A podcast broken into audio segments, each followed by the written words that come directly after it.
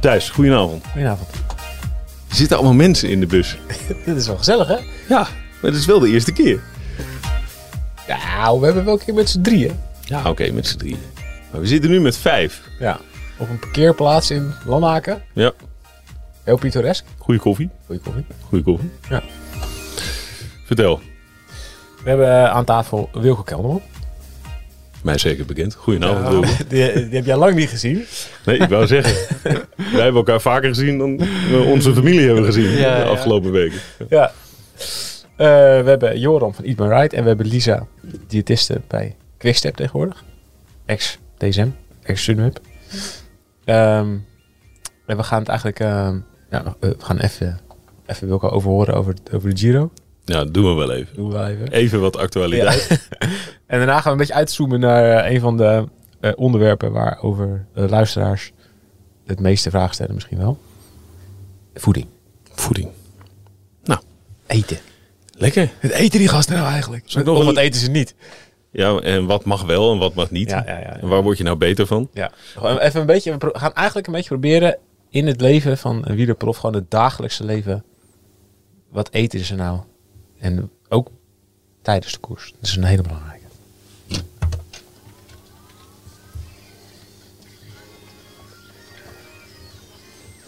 Goed, Wilco. Gaan we met jou even beginnen.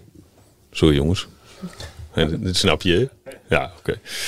Ehm, ja, je, echt, we zijn koud terug uit Italië. Hoe lang heb jij last van zo'n grote ronde? Ehm, nou, ik denk dat ik volgende week moet ik wel weer een beetje in gang schieten over dit weekend. Ik moet alweer naar Dauphiné, dus eh, niet zo lang eigenlijk. nee, maar ik moet zeggen, deze dagen, oh, je bent gewoon in zo'n grote ronde ben je gewoon drie weken gewend, of ja, bijna vier weken, dat je een ritme hebt, zeg maar. Van ontbijt eh, naar de koers, koers, massage en eten. En dan kom je thuis en heb je niks meer. En dan, ja, dan heb je niet echt een tijdschema. Dan, ja, dan val je een soort van vermoeidheid. Een eindeloze vermoeidheid, zeg maar. En eh, sloom. En dus eh, ja, eigenlijk... Ja, ik hoop dat... het Suffe dagen. weer- Ja, suffe dagen inderdaad. Ja. Maar hang jij gewoon op de bank of ga je nog wat doen? Ga je dan... Ja, eh, nu, ga je, nu ga je een beetje op- fietsen. Ik heb natuurlijk een dochter, dus sowieso gaan we er elke dag wel even op uit. Een beetje in de tuin spelen en dat soort dingen.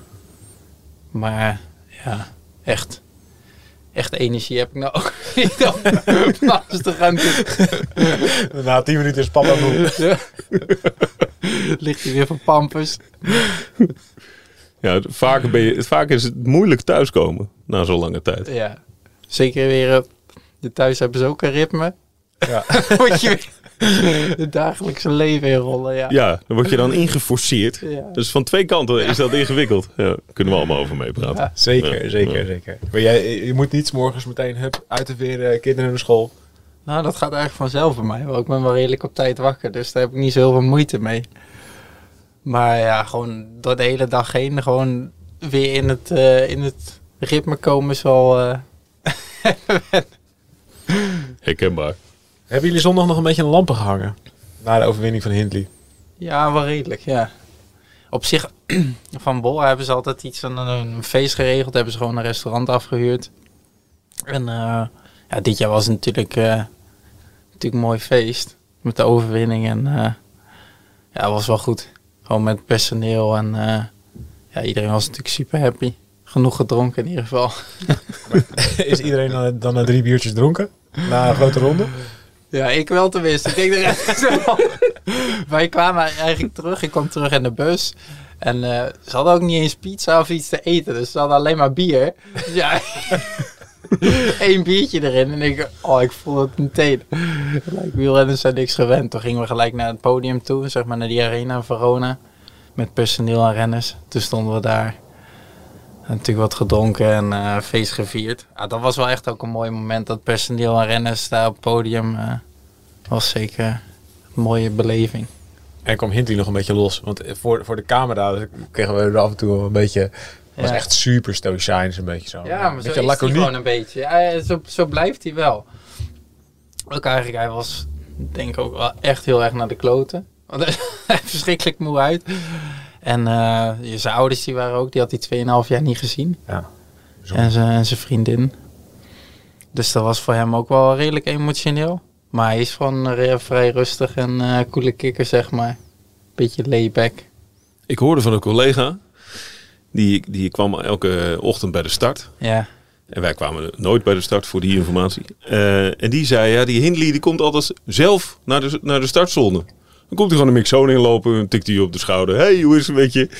Hij zegt, het is een van de meest aardige, eh, hè, open personen in het eh, peloton. Hij is wel super relaxed. Maar ik, ik denk dat hij van tevoren gewoon van de mediavrouw krijgt hij van... eh, ah, die en die hebben een interview aangevraagd, dus die, daar moet je even naartoe. En dat doet hij, denk ik. Misschien lijkt het zo. Soms kom ik ook al die mixzone inlopen. Dan heb ik interview met die en die bijvoorbeeld. En dan vragen nog anderen. Ja, daar heb ik dan niet echt veel zin in, weet je wel. Als je daar soms in komt lopen, dan wil ineens iedereen je spreken. Ja, ja. ja dat bloedt in het al. Ja, Ja. dag. Nee, nee maar ja, hij, is, hij is wel gewoon vrij relaxed. Gewoon, eh, ja, ik weet niet. Maakt niet, niet, niet snel boos of druk, inderdaad. Nee. Is die zo buiten de koers ook? Op trainingskamp? Ja, ja. Ja, so, met jou heb ik soms wel... Ja, niet per se. Dat ik denk van, ik kan er geen hoogte... Maar soms zegt hij niet alles. Of ja, niet alles. Het is moeilijk om de hoogte van te krijgen. Of die zich slecht voelt. En moet je echt eh, met hem gaan praten. zeg maar hoe die zich voelt. En, maar hij is gewoon eh, super relaxed. Een goede teammaat. Want toen was dat vorig jaar bijvoorbeeld, toen hij niet zo goed reed. Hij was tweede geworden in de Giro twee jaar terug. Ja, ja. Nou ja, eh, de Giro een jaar deden werd. Ja, Ehm, en daarna heeft hij eigenlijk een best wel slecht jaar gehad. ja. Vorig vorig jaar had hij volgens mij heel veel gesukkeld met zijn zitvlak. Daar heeft hij nog steeds best wel veel problemen mee. Ja, maar dat, dat blijft gewoon ook lastig. En daar heeft hij vorig jaar heel veel mee gesukkeld. En daardoor heeft hij niet echt eh, kunnen presteren wat hij wil presteren. Volgens mij Verwelten zou die gaan rijden, maar die, eh, die mocht hij toen uiteindelijk niet rijden, omdat hij denk vertrok. Bij eh Sunweb. Ja, ja. Maar hij, weet wel echt wat hij wil. Hij heeft wel echt een doel en... eh God, het is wel echt een, eh, een mannetje. Ja? Ja. Is hij dan op trainingskamp, is dat ook iemand die dan, eh, als je bergop rijdt, dat hij eh, probeert om iedereen eraf te rijden of om bordjesprints te winnen? Nee, nee, eigenlijk niet. Echt, echt gewoon een gereserveerde klassementsrenner. Best wel saai Piet, hè, die Ja. klassementsrenner. Eigenlijk echt saai, ja. Alleen met zichzelf bezig. Ja. Heel afgemeten. Ja. Ja. Ja, Ah, je- klas. Nou, hoe bijzonder was het voor jou? Ja, Had je, super. had je super er nog bijzonder. extra gevoel bij omdat jullie samen op het podium stonden? Of, of romantiseren wij dat te snel? Ja, ja, zeker. Ah, weet je, we zaten eigenlijk in januari al samen. En ik zei ook al tegen jou, ja, we moeten het nog een keer overdoen en we moeten het goed maken, weet je wel. En hij had hetzelfde idee. En ja, eigenlijk kunnen wij heel goed met elkaar overweg. En eh, ja, we zijn niet super egoïstisch, dus we hebben wat voor elkaar over. En ik denk, dat was ook de sterkte van onze ploeg. En ehm, ja, dan werk je er eigenlijk zo naartoe met hoogtestages en wat samen koersen en zo. En dan eh, ja, dat het uiteindelijk zo loopt in de Giro en dat het uiteindelijk op de laatste bergetappe zo gebeurt. Ja, dat was wel echt een super mooi, zeg maar. Ook emotioneel voor iedereen, weet je wel. Het bouwt zich zeg maar zo op en dan, dan gebeurt het. En dat is wel eh, heel speciaal eigenlijk. En eh, dat was wel een heel mooi moment eigenlijk. Hebben jullie nog wel samen met, over, die, over de Giro van 2020 gehad? Hebben jullie nog samen iets moeten uitpraten? Nou, we hebben het niet echt specifiek over het, ja, over het scenario gehad, maar we hadden wel, ja, we hadden het wel eigenlijk liever anders gezien. Eigenlijk beide. Natuurlijk dat we beide hadden gehad dat die, de een van ons twee had gewonnen. En Ja, dat even, is voor, even voor de luisteraars. Hè. Ik bedoel, Ja. de- Er was natuurlijk de, de rit over de Stelvio, waar Ja. jij op een gegeven moment net niet meer Ja. mee kon met Gegenhard Ja. en met Hindley. ja, Hindley. En met Dennis. Ja. Nee, dat was daarna pas. Oh, dat was daarna pas? Oh, nee, nee, dat Nee, nee, Dennis was de wel, Stelvio. ja, ja. Rowan Dennis was eigenlijk twee Ja, keer de... ja. dit was de, was de veroorzaker. Ja. Breekijzer. Ja. En twee keer eh, moest Hindley bij Hard blijven en niet bij, bij Mhm. jou. Eh, en één keer, ja, ik bedoel, jij bent daar het slachtoffer van geworden. Mhm. maar, maar hij ergens ook wel, want hij mocht in Niet aanvallen, Niet nee. aanvallen. Nee, nee. Dus ja, ik, ik kan me voorstellen dat jullie allebei wel gemengde gevoelens hadden over de beslissingen van de, van de, van de ploegleiding. Maar je Ja. hebt dus niet onderling nog iets moeten uitpraten. Nee, nee, eigenlijk niet. Eigenlijk waren we het allebei wel... Ja, respecteerden we het zeg maar van elkaar. Kijk, in zijn situatie had ik ook nooit gezegd van... eh, ja, ja, je moet per se bij me blijven. Hij was ook een jonge renner. En, ja, die etappe had hij toen uiteindelijk wel gewonnen. Ja. Dus ja, uiteindelijk was ik ook niet goed genoeg. Maar dat is het wel vanuit de ploeg uit. Ja, je moet een keuze maken op zo'n moment. Wil je een grote ronde winnen, ja of nee? Dus dan moet je uiteindelijk een keuze maken. Dat had bijvoorbeeld deze Giro ook met mij kunnen zijn. Want eh Gaspar, Gasparotti zei in het begin van toen ik terugkwam in het klassement. Ja, wil je nog in het klassement blijven staan? Dan heb ik ook gezegd van ja, op dit moment ben ik niet goed genoeg. En voor mij boeit het niet of ik vijfde of zesde word in Giro. Ik wil gewoon winnen of op het podium met een renner van onze ploeg. Dus dan offer ik er liever op om dat te bereiken dan dat ik zelf ze- zesde of zevende. Ja, Ja, dat, dat ken ik je weet nou niet. wel. Ja, dat ken ik nu wel. Dat, eh, en daar word ik niet echt per se heel, heel happy van. Maar had dat er Dus- nog ingezeten, denk je? Ja, ja. Ik denk wel als ik gewoon eh, voor mezelf had gereden. Als ik gewoon, ja, als je ziet hoe groot die verschillen waren. Tja, Nibali ja, werd ja. vierde op, weet ik veel, Op 8, zeven, 9 minuten of ja. zo. Ja, echt heel die veel. laatste eh, etappes bleef ik er soms nog aanhangen. Dus zat ik, dus had ik zeg maar nog met die drie en dan was iedereen al gelost.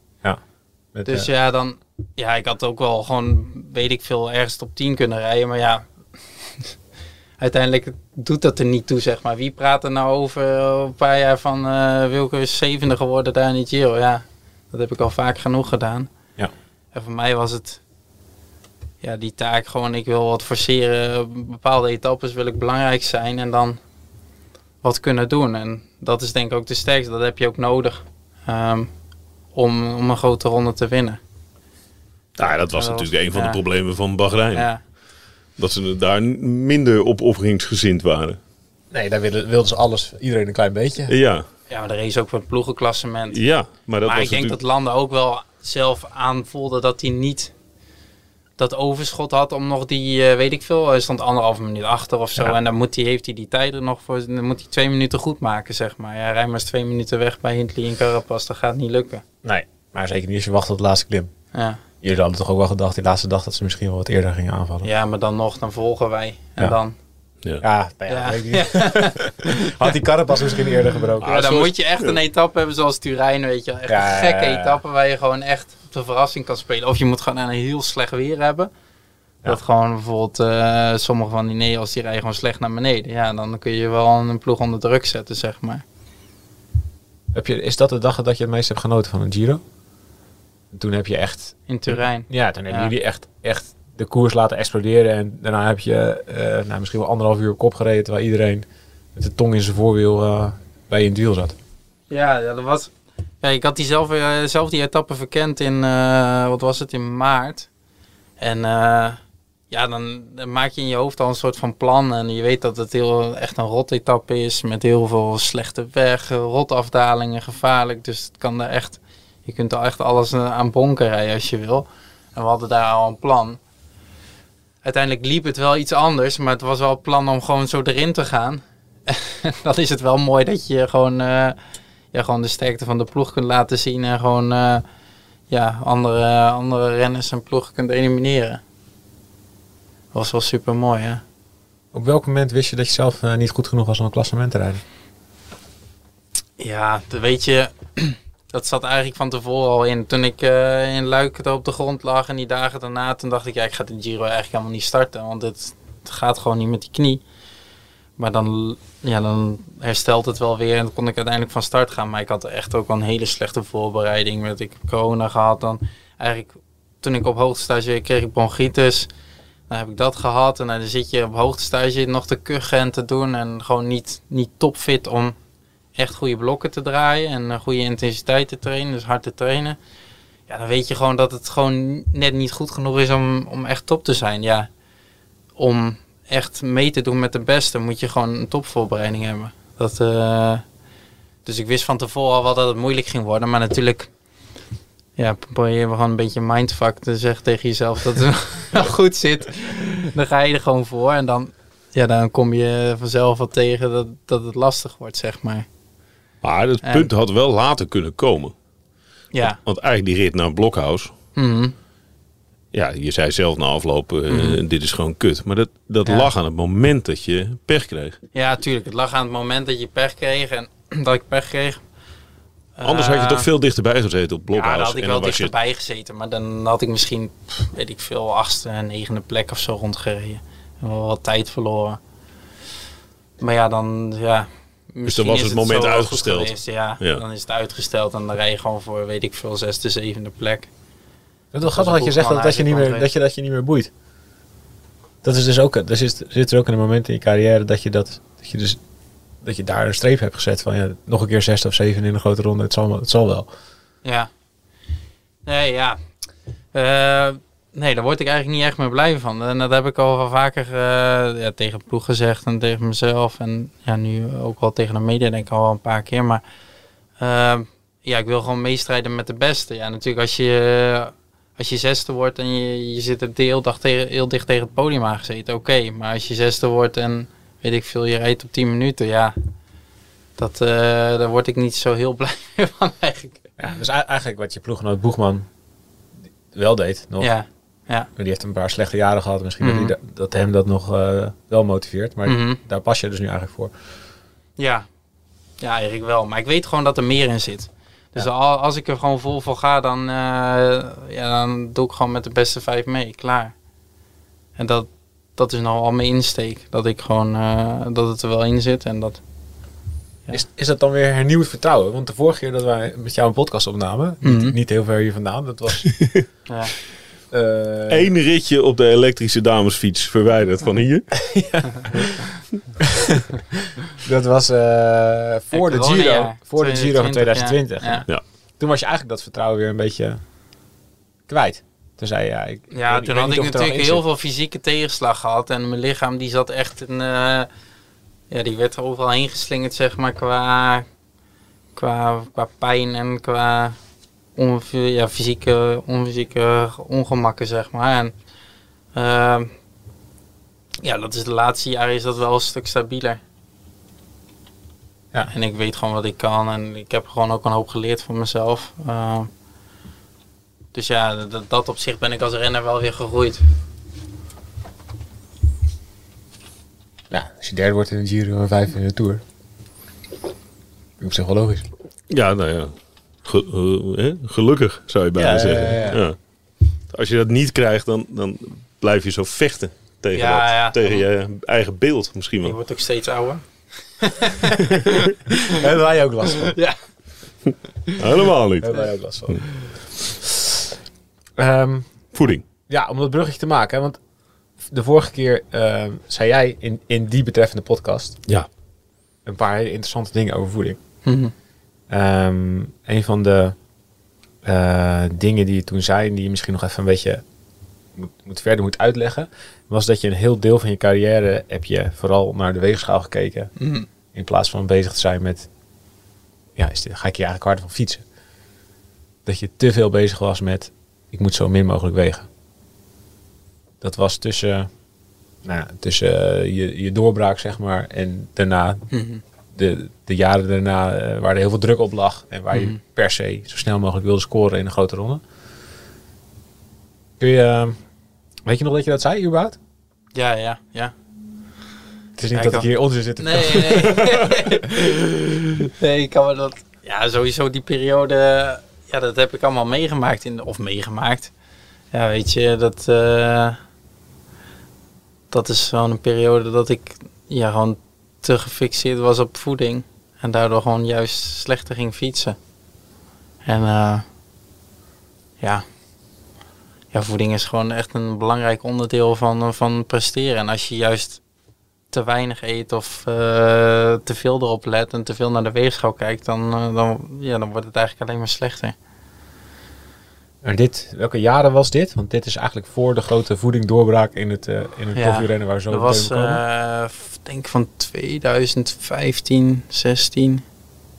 Misschien 2014, 15, 16 of zo. 15 en 16. Op een gegeven moment ging ik naar 2017. Was mijn eerste jaar bij Sunweb. Ja.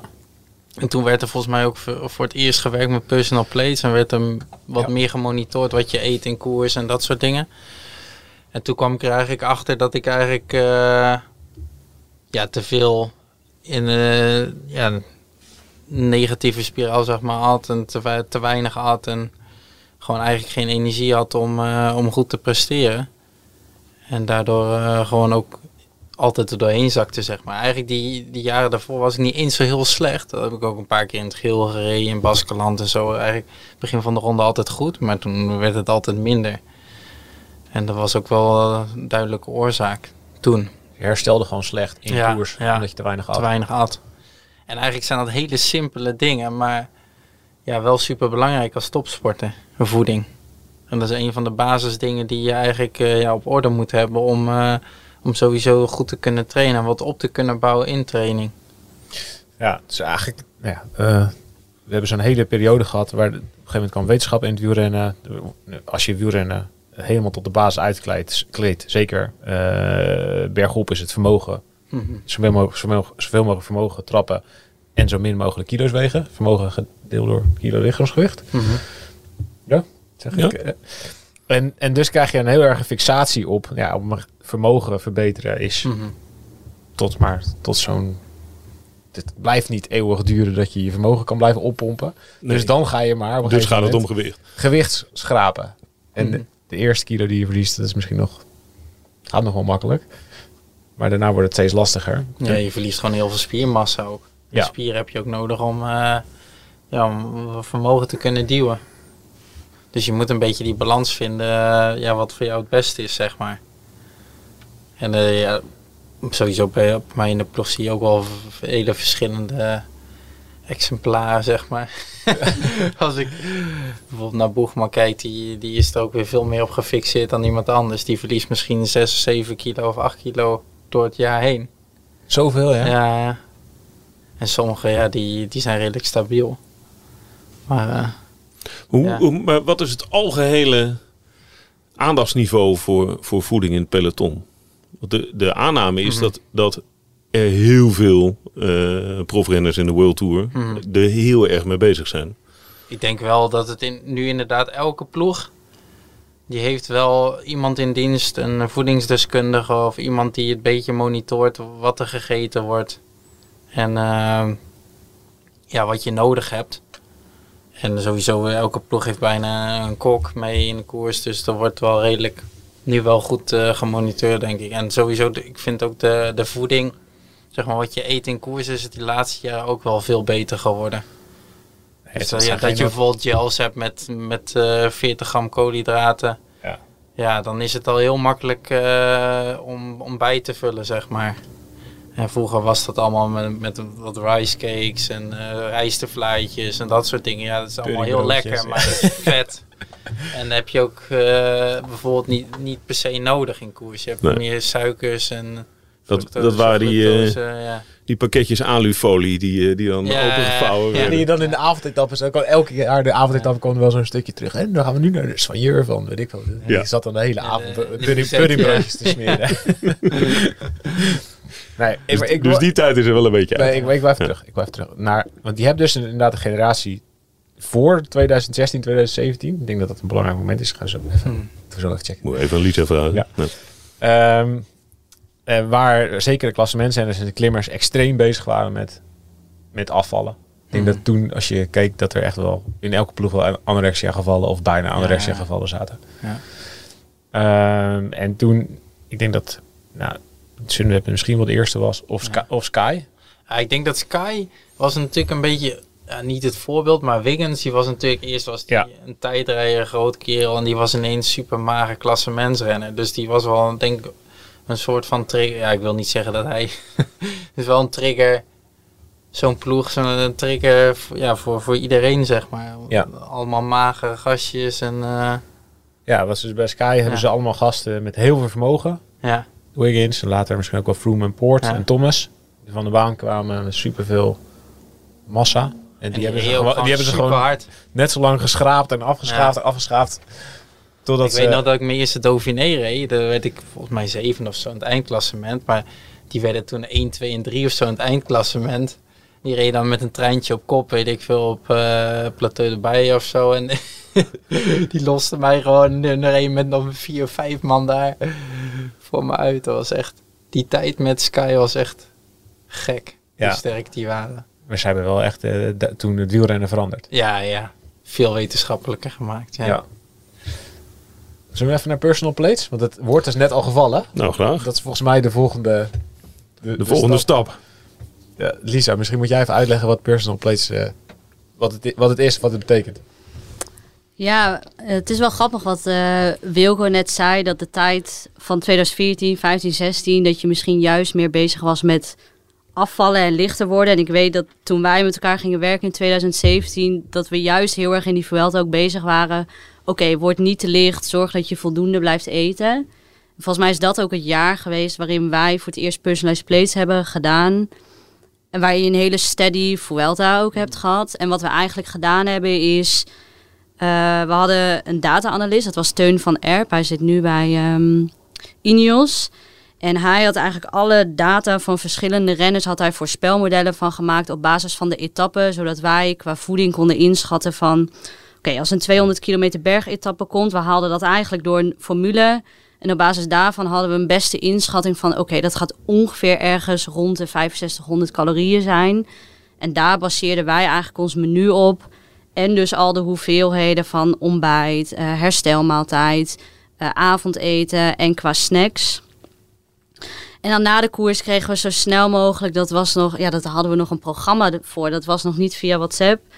Kregen we de data terug van de renners. En dan gingen wij... Gewoon een vermogensmeter eh, kastje op de Ja, fiets. precies. Dus gemiddeld wattage, hoe lang jullie gefietst hadden, eh, wat jullie hadden gegeten in de koers. Eh, en wij gingen dat vanaf huis eigenlijk weer herberekenen. Dus wij in die app invoeren, oké, het was toch een jelletje meer, het was een bidon minder.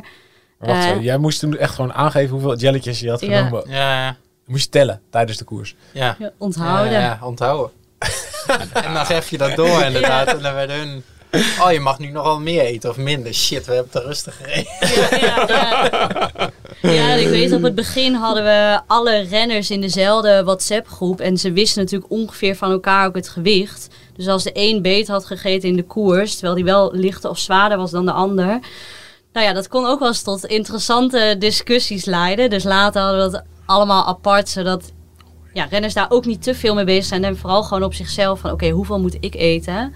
Maar met even voor de, even voor de duidelijkheid. Het, het, is dus, het, het grote verschil is dus dat renners niet meer zelf uitmaakten wat ze over een hele dag heen aten. Maar dat jullie eigenlijk voor ze beslisten, zoveel eet je. Ja, ja als je het heel oneerbiedig ja. zo komt het wel op neer. Maar natuurlijk, we deelden zeg maar van tevoren een menu. Dus dat renners konden aangeven, nou dit vind ik absoluut niet lekker. Of dit motiveert me heel erg, zodat we daar rekening mee konden houden.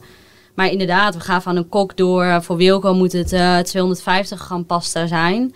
En eh, voor Tom moet het 270 gram pasta zijn. En al, ja, we- alles deden we. Dus vlees, pasta, eh, de sauzen, als daar veel calorieën in zaten. Dus ook voor de kok echt een enorme belasting. Of het brood. Op het brood, Om hele 10 sta- gram, had je soms één snee en dan zo'n klein brokje. 1 10 gram. Of 10 gram honing of zo. Is zo'n potje. Ja. ja, je kreeg inderdaad soms een driekwart snee brood. Ja. ja, maar het is wel...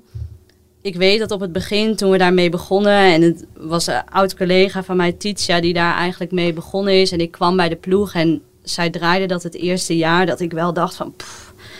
Oké, dus nu moet ik tegen die renners gaan zeggen... "Je- jij eet zoveel. Dat was, dat was toen ook wel een dingetje...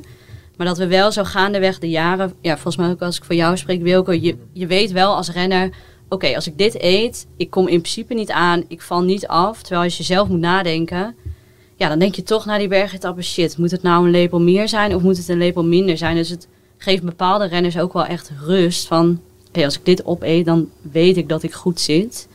Maar het, het klinkt natuurlijk wel extreem dat een renner niet meer zelf bepaalt wat hij doet. Ja. Maar Nou, dat en een drie kwart in principe, sneetje. ja. en- Ja. In principe viel ik wel af, denk ik hoor, door de ronde. Want je, we aten ook niet veel vet in bij de personal plate. Personalized Ja, het plate. is meer bij de herstelmaaltijd. echt na een en grote ronde was ik soms echt broodmager. Want je verloor zeg maar ook je, al je vetten. Ja, we zagen... lichaam in- was... ja. Helemaal uitgekleed lijf had je. Ja. Ja. ja, terwijl het doel was natuurlijk om iemand op gewicht te houden... en niet Ja. te verliezen gedurende een ronde. Maar we zagen wel dat zo die lichaamssamenstelling... ondanks dat het gewicht misschien gelijk blijft... die verandert vaak wel Ja, ja, iets, dat je maar. iets meer spier krijgt en iets minder vet. Ja, we deden huidplooimetingen gedurende een ronde. En eigenlijk bij iedereen zagen we wel, ja, dat gaat gewoon naar beneden. Wat we ook proberen, zeg maar, om dat zo gelijk mogelijk te houden. Want ze zitten al op het randje. Maar zo goed mogelijk proberen te voeden, zodat het risico dat ze ziek worden of een dip krijgen zo Maar goed, laag mogelijk meer spier en minder vet is eh, voor een wielrenner. eh, ik te, ik, ik, te, waar moet ik tekenen? was niet slecht. Nee. Nee. Ja, maar tot op een bepaalde hoogte natuurlijk. Want je zit al zo op het Ja. limiet. Dus ja, we zien, zagen ook wel renners wie er dan wel net overheen gaan. Ja. Maar hoe vaak, hoe lang is zo'n... Want ik neem aan, als je ermee begint... dan kom je ook nog allemaal kinderziektes tegen. En, en je maakt nog wel eens een foutje. En er sluipt nog wel eens iets in wat niet zo goed gaat. Dus, eh, ja. Hoe lang heeft dat geduurd voordat, dat, voordat je dat echt op maat per rennen goed kon, eh, kon aanbieden? Mm, ik denk zeker het eerste seizoen in 2017, dat, wel, ja, daar, dat was soms inderdaad best wel lastig. Ook voor ons qua logistiek, dat je dus moet zorgen dat je iedere avond rond etenstijd klaar zit met je, met je laptop ja. voor vijf renners. En voor iedereen duurde dat ongeveer een kwartiertje. Dus voor mij was het plannen vanaf kantoor van oké, ga ik nu voor de file rijden? En dan stond ik soms in de file en dan op de vluchtstrook met die laptop. Ja, dat is echt, omdat zij willen ook niet te lang wachten. Want dan kreeg ik alweer een appje van, nou, wat mag ik nou Ik eten qua snacks? ja. ja, ik denk dat het wel twee seizoenen heeft geduurd voordat er echt zelf renners naar ons toe kwamen eigenlijk met de vraag van, ja, mogen wij dit ook? Want ze zien natuurlijk wat het met iemand anders doet en ze hebben het erover met elkaar. En dat Ja. was voor ons toen ook wel een teken van, oké, jullie begonnen met de klimmers en de klassementsrenners. ja. Ja, soms was het ook wel lastig, zoals soms vlakke etappes of zo. Dan was het heel stressvol. Maar dat, ja, dat kun je natuurlijk niet meten wat je dan verbrandt. Ja. Eigenlijk meten jullie ja, wat, je, wat je trapt. Ja. Ja. Dus ja, soms moest je ook wel een beetje communiceren van ja, nu eet ik wat meer. Omdat het gewoon een stressvolle etappe was. En toch misschien meer verbrand dan je denkt.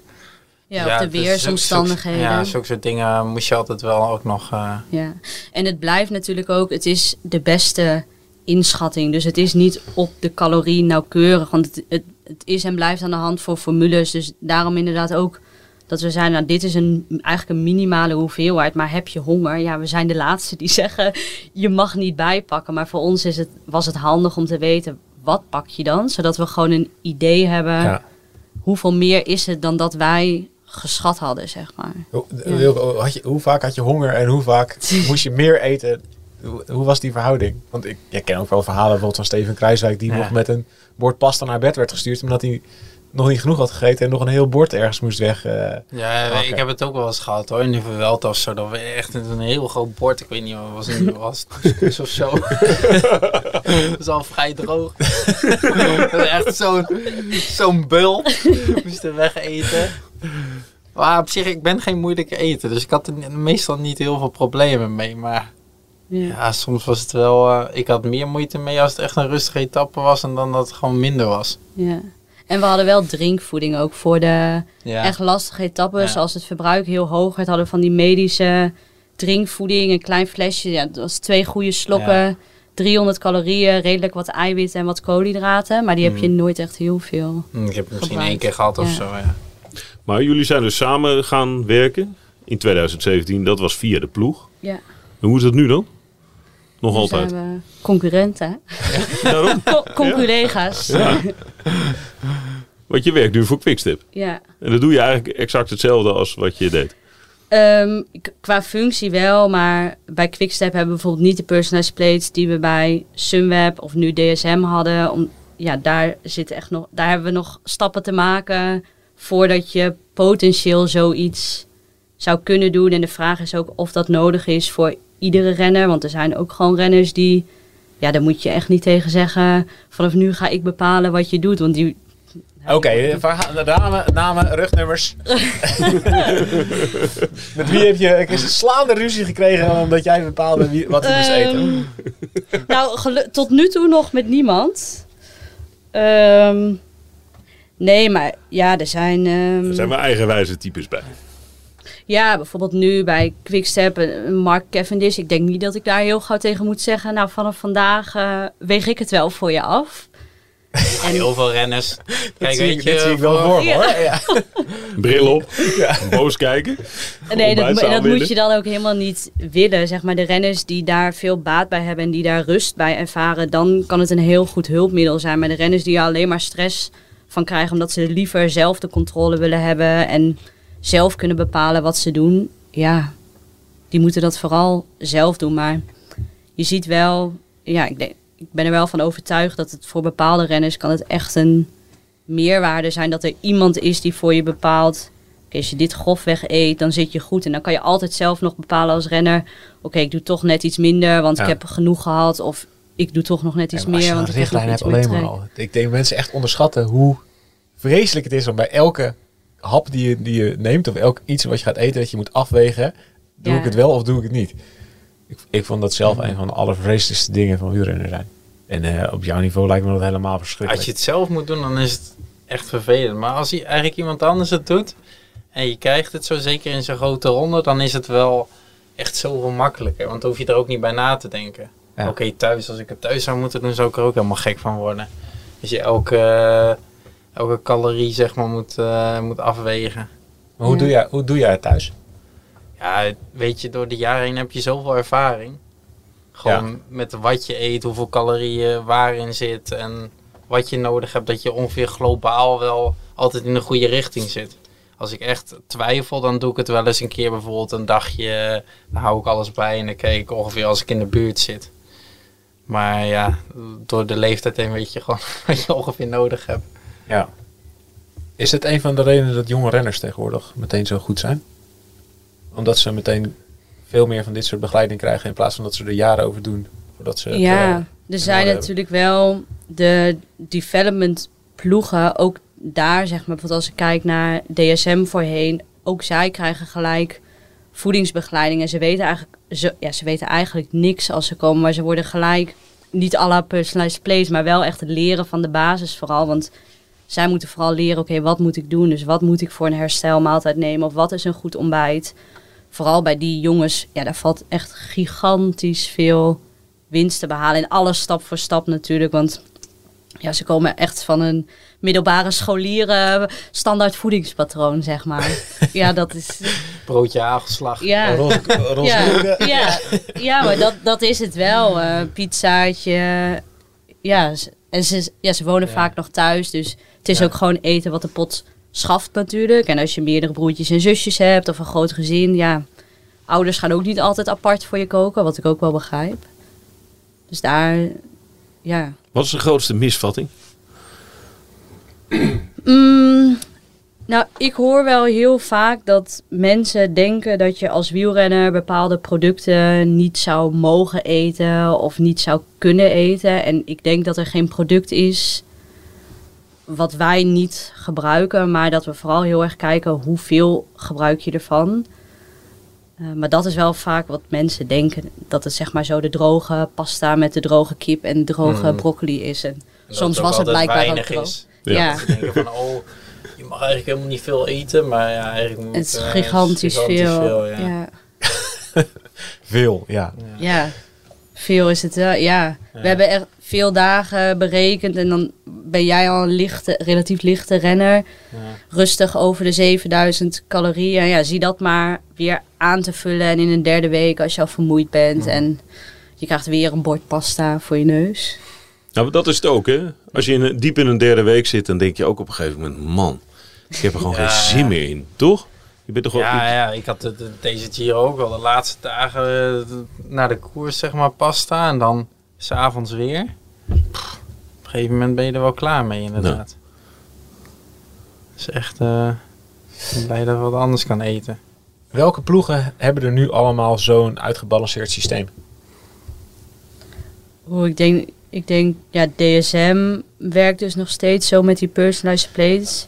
Jumbo, Jumbo, doet het App. ook. En ik weet dat bij Jumbo werken ze volgens mij vooral met zo de gekookte gewichten. Dus dat wegen renners dan zelf af à la buffet. Dus dat is iets minder nauwkeurig. Omdat ja, als je een pasta vijf minuten kookt of je kookt hem tien minuten, het, het gewicht zeg maar qua water wat het opneemt is natuurlijk iets verschillend. Maar daar zijn ze denk ik ook heel ver inderdaad. En Ja, ik denk Ineos zal ongetwijfeld een soortgelijk systeem hebben. En verder weet, weet ik het eigenlijk niet. Ik, ik zie verder niet heel veel ploegen waarbij het, eh, de naam zo op het bord staat of eh, een kaartje erbij ligt met het naam erop. Maar je ziet wel een trend in het wielrennen. Ja, wat jij ook al zei, Mhm. Wilco, gewoon eigenlijk iedere ploeg heeft wel een sportdiëtist of meerdere. En een kok of meerdere koks. Dus Ja, ook bij ons gaat het wel ook. Bij ons was het niet zo bij, eh, of ik zit nu bij Bora natuurlijk. Maar dan gaat het niet zoals bij de DSM, dat het echt op de calorie wordt afgewogen. Maar dan wordt er gewoon uitgerekend wat je naar de koers nodig hebt, zeg maar. Ja. Dus dan hebben we porties in de bus van, eh, ja, wat is het, eh 100 gram eh, koolhydraten, zeg maar. En dan wordt het later uitgerekend van, ah, dus de kok die, die kookt voor mij, weet ik veel, 400 gram pasta. En dat krijg ik dan, er wordt, dus er wordt globaal gedaan. En niet op de, op de calorie, zeg maar. Ja.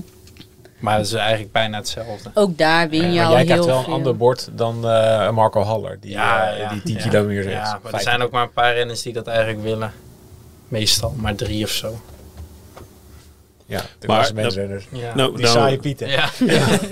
nou waren we in Italië natuurlijk. Ik heb ook elke avond in een ander hotel geslapen. Ja. Zo gaat dat. Maar dan, dan krijg je natuurlijk gewoon een hele zee aan zoete broodjes. eh, Met crème gevulde Ja. croissantjes. en zo. Ja. Eet een renner in een grote ronde. Eet jij nog wel eens een croissantje met een beetje jam? Nee, eigenlijk niet. Nou, sowieso, wij hebben een kookdruk, hè. Dus wij, wij- eet je nog wel eens van het? Eet je nog wel eens iets bij, van het restaurant? Of nooit meer? Ja, weet je, sommige koersen wel. Maar niet in de grote ronde in ieder geval. Want we, we hebben gewoon een kookdruk. En er is een keuken en ja, een hele grote tafel met, eh, met alles wat je nodig hebt, zeg maar. En dan eh, ontbijten we en daar hebben we avondeten. Dus altijd hetzelfde. Altijd dezelfde producten. Dat is wel, dat is wel geweldig. Ja, Dat ontbreekt er bij ons nog aan.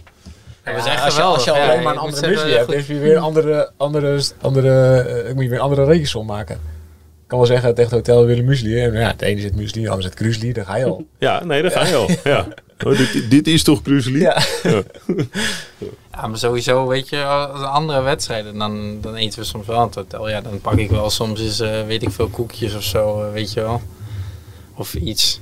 Het hoeft niet per se altijd afgewogen te zijn. Nee, je hoeft ook niet te overdrijven. Nee. Nee. Maar heb jij, hoe lang is het geleden dat jij naar een grote ronde ging en dat jullie nog afhankelijk waren van wat de kok van het hotel maakte?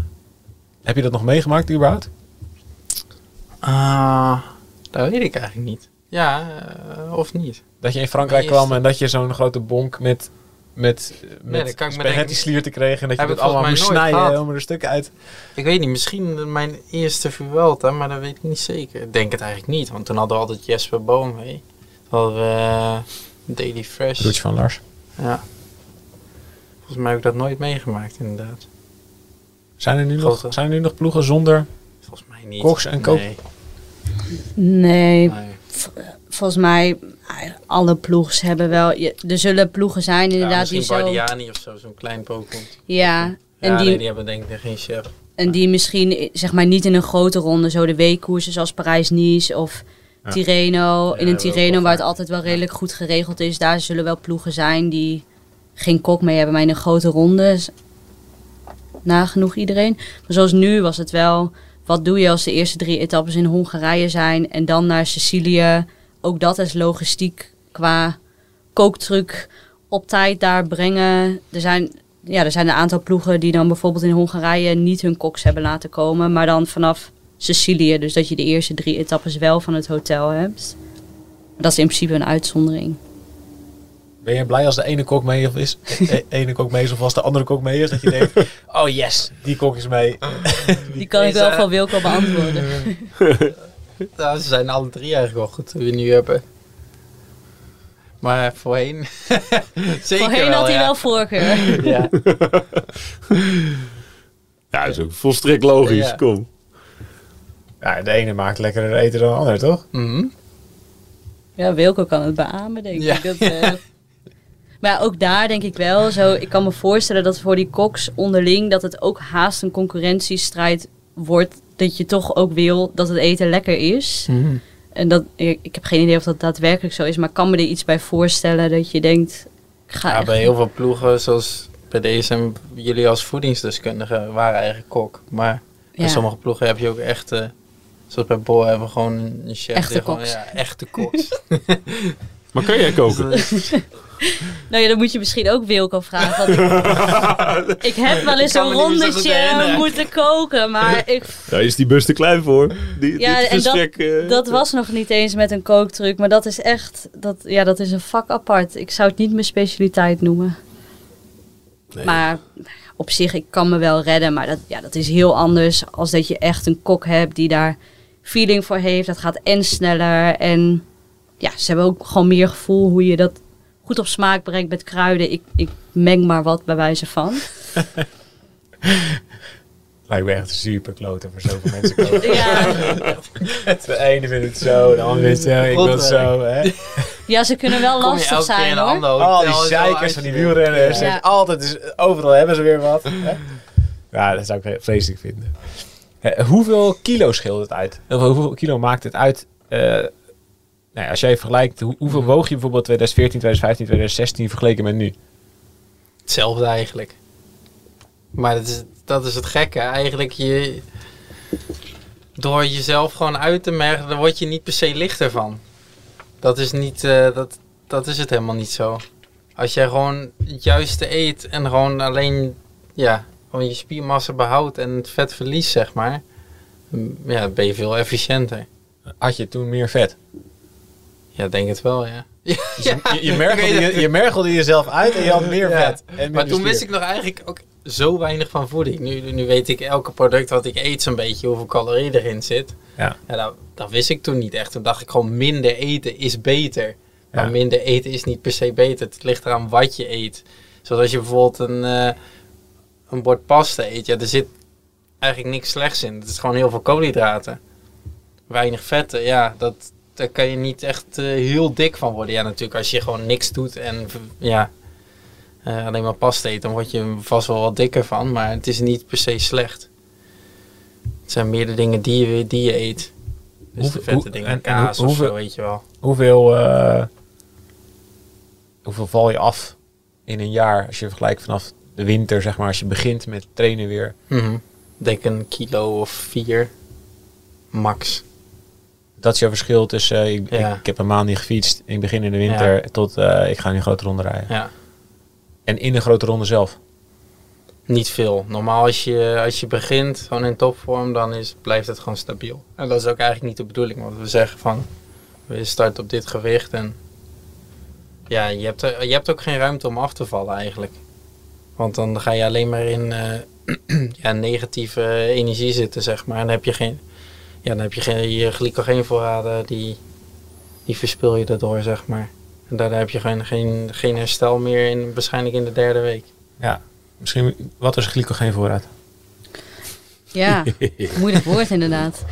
Eh, eigenlijk heel simpel gezegd is die glycogeenvoorraad je opslag aan koolhydraten. Dus die renners die verbranden ontzettend veel koolhydraten tijdens het fietsen. En die kunnen ze dus deels opslaan in hun lichaam. Hoeveel, want we hebben het elke keer, we hebben het heel vaak over kilo- kilojoule of kilocalorieën, maar hoeveel koolhydraten verbrand je als je een uur koerst? Goh, ja, ligt heel erg aan de intensiteit. Maar dat kan echt ruim boven de 100 gram per uur zijn. Terwijl zo qua inname de wetenschap zegt van nou, als je al zorgt dat je 90 gram per uur inneemt, dan doe je het eigenlijk al hartstikke goed. Maar je kan dus zeker meer dan dat verbranden. Dus als je zes uur heel intensief koerst en je eet die 90 gram, kan je netto gezien aan het eind van de koers nog steeds leger zijn. En dat is ook wel wat je vaak ziet, want die 90 gram is al aardig veel. Daar moet je al getraind voor zijn om dat op te kunnen Ja, zeker. Ja. Als je dat zeg maar vertaalt naar producten, dan... Ja, de meeste gels of repen zijn zo ongeveer 30 gram koolhydraten. Sommige merken spelen er al wel op in om dat iets hoger in te zetten. Dus dan heb je al een bidon, een gel en een reep.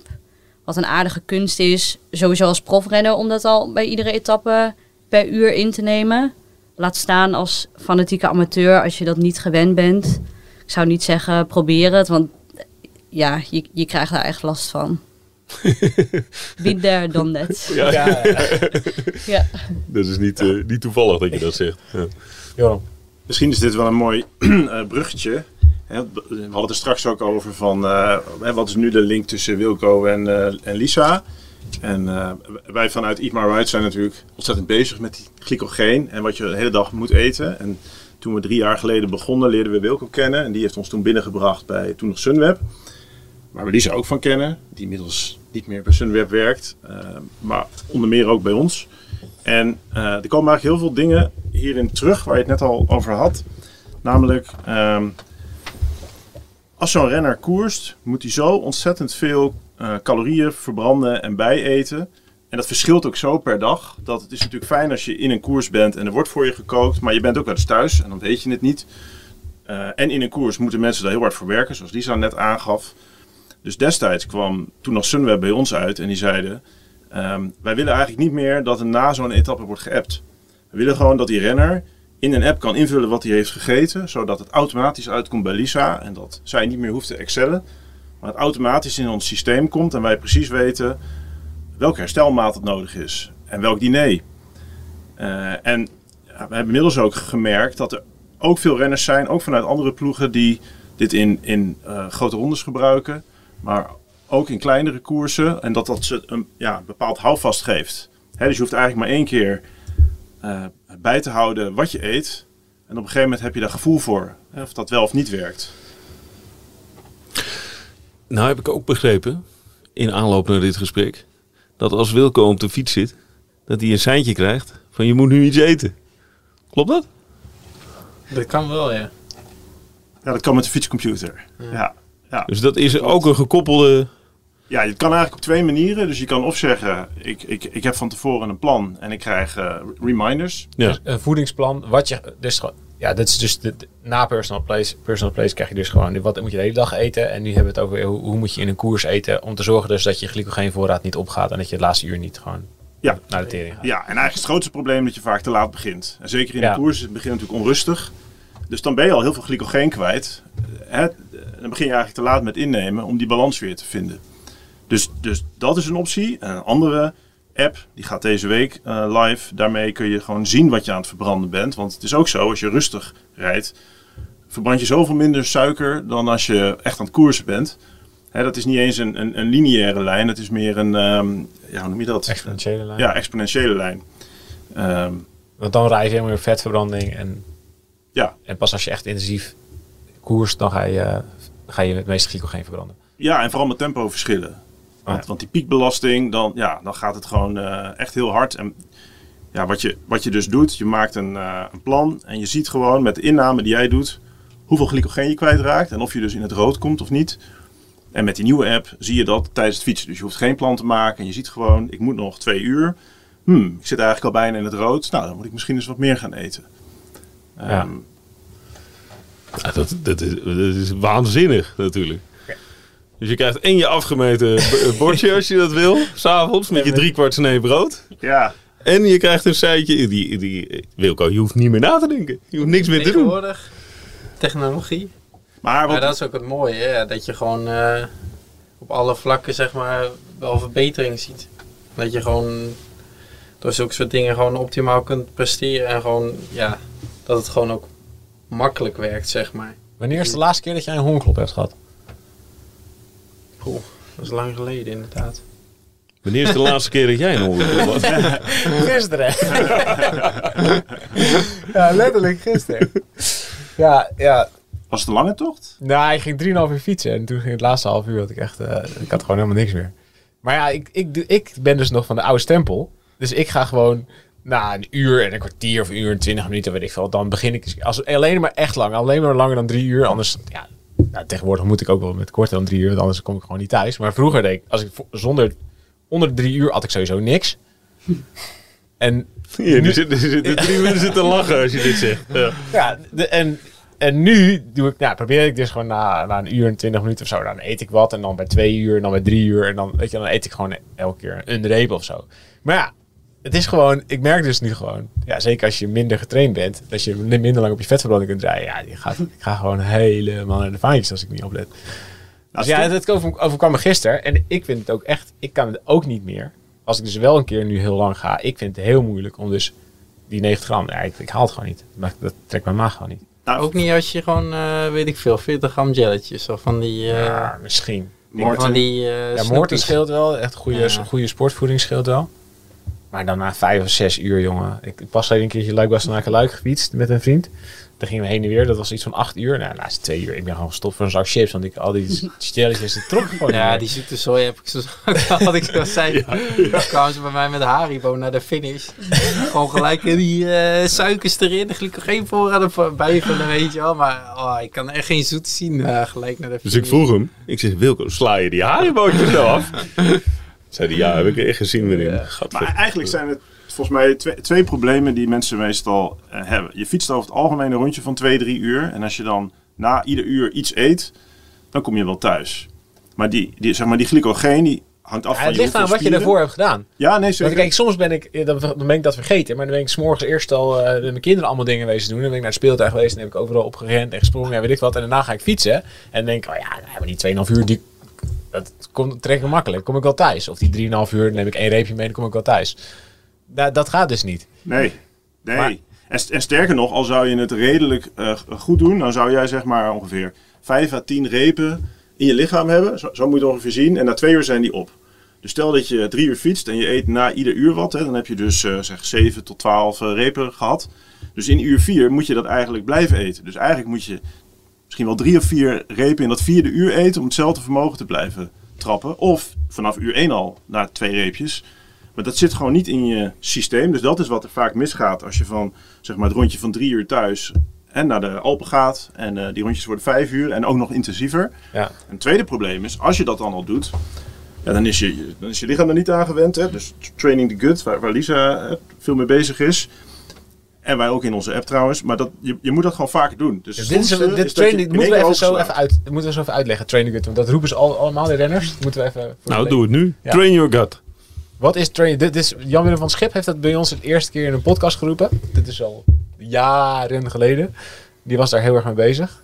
Die, die, die, die liet zich erop voorstaan dat hij op een gegeven moment, weet ik veel, 120 gram per, per uur kon opnemen. Ja. Ik weet niet, jij ook Wilco? Ja, makkelijk. Ja. Ja. Maar ik, ik weet het niet echt. Ik denk dat het per renner ook verschilt hoor. Sommigen die kunnen dat beter hebben dan anderen. Ja. Dat, dat merk ik altijd. Heel simpelweg houdt het eigenlijk gewoon in je, je maag-darmsysteem trainen om dus zoveel koolhydraten te kunnen absorberen. En inderdaad, sommige renners gewoon van nature vergaat dat ze makkelijker en vereist het minder training. Maar er zijn ook renners, als ze zeg maar uit die winterperiode komen. Natuurlijk doe je dan lange duur en niet gelijk heel intensief. Maar waarbij dat altijd weer zo een dingetje is van...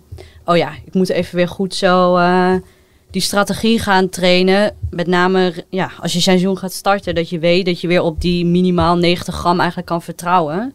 Want dat is niet altijd zo vanzelfsprekend. En je herstel is ook langer als je het niet doet. Dus als je, vooral als je vaak traint, nou, zoals Wilco. Ja, dat is het belangrijkste, denk ik, het herstel.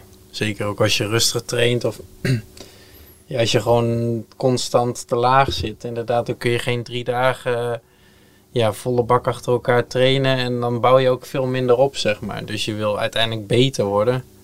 Dus als je ook goed eet en Dus jij kunt, nu, Ja. jij kunt nu harder trainen ja, dan in harder 2014, trainen en 2015, 2016. Ja. En, je, en je hebt in een koers, eh, ben je niet na drie, vier dagen... En je, en niveau gaat ook gewoon omhoog. Omdat je wat meer opbouwt. Eh, Stel je voor, als je elke dag leeg thuis komt, ja, dan is het trainingseffect wat je hebt gedaan is ook veel lager. Dus uiteindelijk is het, je wil ook een betere eh, fietser worden of wielrenner. Voor mensen die thuis zitten bijvoorbeeld, ja, dan is het wel belangrijk dat je ook, ja, als je beter wil worden, dat je ook wat aan je training hebt. Dus niet dat je eh, traint en dan te weinig eet. Ja, dan, dan word je uiteindelijk ook niet beter, want dan is het trainingseffect er niet. Ja. Maar soms voelt het voor renners volgens mij zeg maar echt als een voldoening om vier uur gewoon hard te trainen en weinig te eten. Ja. Zeg maar. Dat voelt soms lekkerder dan Ja, vier uur trainen en goed eten. Nou, dus voor de amateur eh, is dat een, Ja. ik denk een heel belangrijk ding. En dan kun je Ja. thuis gewoon lekker een zak chips eten en een biertje drinken en zo. Ja. Zeker, heb je dat Eh, ja. Dan kan je jezelf die, belonen. die, eh, Ja. die je dan uit de reep hebt geskipt, kun je dan zo erbij eten. Dat is voor heel veel mensen ook zo. hè. Ja. Dus dat doe ik al jaren verkeerd. Ehm, neem ons even mee hoe jij dan een wedstrijddag ingaat. Mhm. Je weet van tevoren, dit is zoveel, eh, zo, zo, zoveel kilometer, ik moet zoveel bergen over, ik ga zoveel. Dat wordt dus uitgerekend. Mhm. Daar zit die, met Eat My je, die app rekent het uit hoeveel calorieën je gaat verbranden. Een soort, soort voorspelling. Mhm. En dan neem jij mee, dus je, je, er staat gewoon zoveel jelletjes, zoveel repen, deze, zoveel bidons. Ja, meestal met Right kun je gewoon die... eh, ik zet mijn route erin van die dag. Je hebt natuurlijk altijd een GPX-route, zeg maar de route van de etappe. En dan zeg je ongeveer, ja, we doen ongeveer 40 gemiddeld. Hoeveel wattage eh, denk je ongeveer erover te doen? Dus dan maak je een schatting.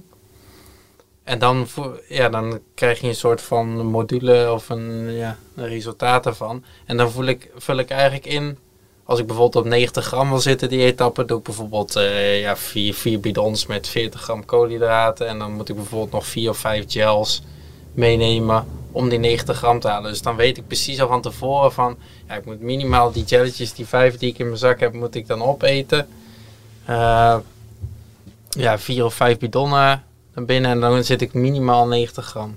En heb jij zo'n eh, zo'n plingeltje op je, op je computer? dat- nee, waar- nee, waar dat, wordt kan, gezegd- dat kan niet met Wahoo. Dat is volgens mij alleen met Garmin. Ja, we Maar- ontwikkeling. Ja. In de koers heb je geen tijd om constant op dat ding te kijken. Oh, ja, ja, dat zeggen. Dan heb je gewoon iemand in je oor nodig die en het jullie werken samen met DSM ook? Doen- Hebben ze dat daar wel? Hebben ze daar een, een plingeltje in de koers? eh, je moet nu een jelletje eten? Nee, we zijn ermee bezig. Ehm, eh, eh, en ook bij DSM, want die rijden inderdaad ook met Wahoo. Er zijn ook ploegen natuurlijk die met Garmin rijden. Daar, daar kan je dat zelf maken. En, en Wahoo is het aan het ontwikkelen. Dus eh, ja, dat duurt nog even. Dus op je Garmin komt gewoon... eh, Ja, er komt gewoon een, eh, een pop-up. je moet nu je bidon op hebben en je moet nu een reep eten. Ja, het klinkt een beetje... eh, ja, we formuleren het net iets anders. maar ja, dat komt eigenlijk wel op Op neer. zich in training zou het wel goed werken, denk ik. Maar in koers, ja, je hebt eh 100, eh, 180 renners om je heen. Ja, het is maar net als... Niemand die valt, in een valt aan een afdaling. Oh, ja, wacht. Jensen, even rustig. Ik denk ook dat het meer gaat om het bewust worden van. Ja, ja. Ehm, hè, en, en dan zit het op een gegeven moment in je systeem. Ja, Dat is het denk ik meer. ja. Oké, maar jij hebt nu, eh, je hebt al die dingen bijgestoken, Wilco. En eh, je denkt, oké, dit wordt een eh, dagje 40. Dus niet al te gekke rit. Eh, Mhm. het wordt een rustig dagje. Mhm. Kilometer 1, Mathieu van der Poel valt aan. Kan je dan alles meteen overboord gooien en moet je dan weer helemaal op jezelf gaan vertrouwen? Of zit er een knop op waarbij je kunt zeggen, aanval Mathieu van der Poel? Nee, nee, nee. Dan, dan is het meestal... Ja, dan pak ik gewoon wat extra vanuit de bevoorradingszak of vanuit de kant. Wat extra gels of zo. Maar dan kun je bijvoorbeeld wel na, nadien kun je alles bijstellen. Dus dan als je je rit hebt geüpload, krijg je ook te zien van... eh, ja, je hebt uiteindelijk zoveel wattage gereden, je hebt zoveel verbrand. Eh, wat heb je uiteindelijk gegeten? Dus dan kun je wel zien van... Ja, ben ik te laag gegaan of heb ik go- goed gegeten? Weet je wel, dan kun je dat allemaal aanpassen. Maar jij niet- eet denk ik al redelijk maximaal onderweg. Ja, ja. En dan kan je ook niet Ja, ik ga voor het mi- minimale. Ja, ja dus soms eh, zoals in de Giro, even kijken, de eerste week hadden we zulke slow, slow etappes. Reden we 160 wat gemiddeld, weet je wel. Ja. In Hongarije 200 kilometer, 5 uur. Ja, weet je, dan heb je een hele andere berekening erin staan. Ja, dan, dan ga je dat wel even iets aanpassen. Dat je niet echt, eh Anders mag je s'avonds veel, niks met meer 100 eten. gram. Ja. En ik denk de vraag is wel als profwielrenner inderdaad, wat haal je eruit? Want in principe, de meeste renners proberen al los van de koers. En als het geen bergetappe of iets is, om zeg maar veelal koolhydraten met meer vezels. Dus havermout, ehm, omdat het gewoon meer vult en het zorgt dat je minder van die pieken hebt. Maar zo na een koers wil je eigenlijk het liefst zo snel mogelijk aanvullen. Dus eigenlijk die Haribo die Wilco afsloeg, is qua theorie een goed idee. Ja. Maar dan ga je wel die, die piek krijgen, maar je vult wel snel je glycogeen aan. Dus ondanks dat je die piek hebt, is het voor een profwielrenner wel een goed idee om dat te doen. Maar voor zeg maar de amateur die een rondje heeft gefietst, ja, die zou beter die Haribo wel achterwege kunnen laten. Want die hoeft niet per se morgen weer vier uur eh, koers te rijden. Ja, kijk je meteen naar mij, hè? nou, ik, wil, ik keek eigenlijk naar jou met de vraag: in welke mate ben jij dan die amateur? Ja, ik- Want jij laat de Haribo nooit staan. Nooit. Nooit. Nee. Ja, ik moet bijeten. Dat hoor je net. Ik moet mijn glycogeen aanvullen. Ja, maar er zijn betere manieren voor. Ja, ja, ja. Houden jullie ook rekening met, eh, met vezelstrategie? voor bergetappes. Dus, dus ja, vezels houden water vast. Ja. Dat is dus ook sinds een jaar of... Nou, wanneer zijn jullie ermee begonnen? Ja, of vier, vijf. Wel een tijdje denk ik, maar ja, misschien ook al wel. Ja, dus Ja. je eet voor bergetappes Ja, minder vezels. laag vezel. En wij hebben het destijds niet eens zozeer gedaan, want je houdt inderdaad vocht vast. Dus je bent misschien ietsje zwaarder, maar je fluctueert sowieso per dag. En al zou je alles laag vezel maken voor die renners, al, als je 7000 calorieën op een dag eet, je totale vezelinname is nog steeds gigantisch hoog. Want ook in witte pasta zit wel wat vezel. Dus wij deden het nog niet eens zozeer om lichter te zijn, maar meer om minder maagvulling te hebben en daardoor het risico op maag-darmproblemen tijdens zo'n bergetappe zo laag mogelijk te houden. Dus Was vooral voor Tom wel handig. ja, precies. nou, ging dus ook nog niet altijd goed. maar inderdaad, dus we deden vaak de dag van tevoren, switchten we al naar laag vezel. Eh, en dat betekent niet dat we bijvoorbeeld helemaal geen groenten meer gaven, maar dan probeerden we groenten, bijvoorbeeld courgette, waar dan wat voornamelijk gewoon veel water is en weinig vezel. Om dus op die manier die maagvulling, ja, het risico zo veel mogelijk te minimaliseren. Hoe, hoeveel kilo scheelt het bij jou als je... Ik denk een kilootje of zo. Ja. Een, een kilo water dus, Ja, in feite. Ja. Ja. op zich best wel, best Ja. wel veel, ja. Een kilo is toch heel veel? Ja, Het is ook met glycogeen. Hè? Glycogeen maakt je net als vezel ook zwaarder. Dus dat zou je ook kunnen doen. Hè? Dus als je veel minder gaat eten, in het begin val je wat harder af. Maar dan heb je ook minder die voorraad. Dus dat is als wielrenner natuurlijk een beetje tricky. Ja, ook dat is een, het zoeken van een balans. Ja. Ja. Ja, dat is wel een linker. Ja, dat is niet, niet aan te raden. nee. Lisa grijpt in. Ja, maar je ziet ook wel, eh, ik heb ook wel eens verhalen gehoord, zeg maar, qua met heel weinig zout gebruiken bijvoorbeeld op het eten, terwijl het wel ontzettend warm is. Dus je verliest ook zout in je zweet. Maar door heel weinig zout in het eten te gebruiken, eh, dat je daardoor ook minder vocht vasthoudt. Maar ja, dat vind ik helemaal geen goed idee. Maar ook dat hoor je wel, dat ploegen dat geprobeerd hebben om ook maar zo laag mogelijk te zijn in gewicht. Maar dan is het heel leuk dat je een kilo lichter bent. Maar als je eigenlijk de nadelen ervan al ervaart na twee uur koers, omdat het zo warm is in de Tour. Ja, Ja. dan is het de vraag of dat slim is of niet.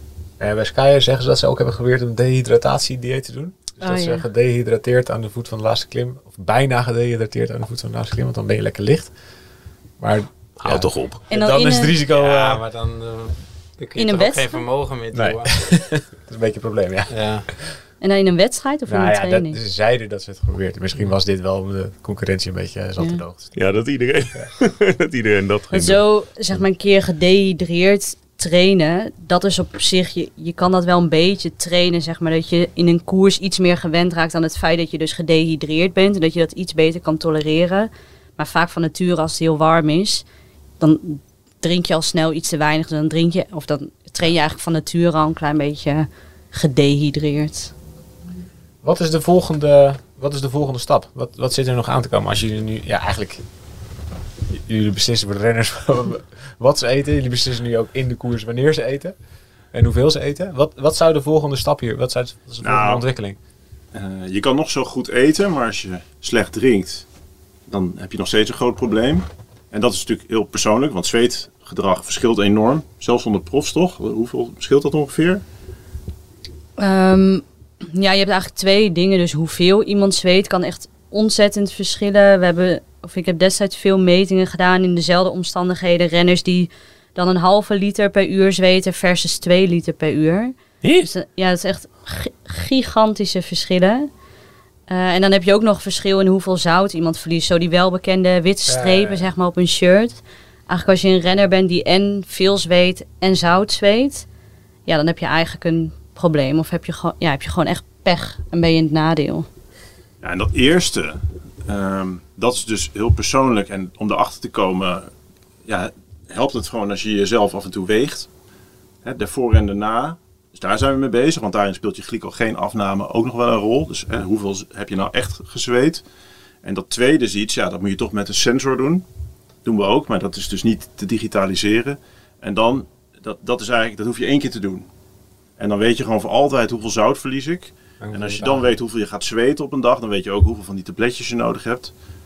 En dan is de cirkel rond. zou je zeggen.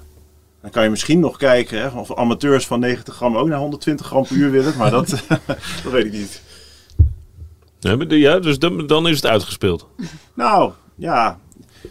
Kijk, het is natuurlijk zo, als je meer, eh, hoe moet dat zeggen, hoe beter je als renner bent, hoe hoger je wattages liggen en hoe langer je dat kunt volhouden. Dus ook hoeveel meer energie je verbrandt. Terwijl voeding is iets, ja, of je nou klein of groot bent, het ligt aan je darmwand. Dus je kan hè, door te trainen misschien 90 gram per uur halen.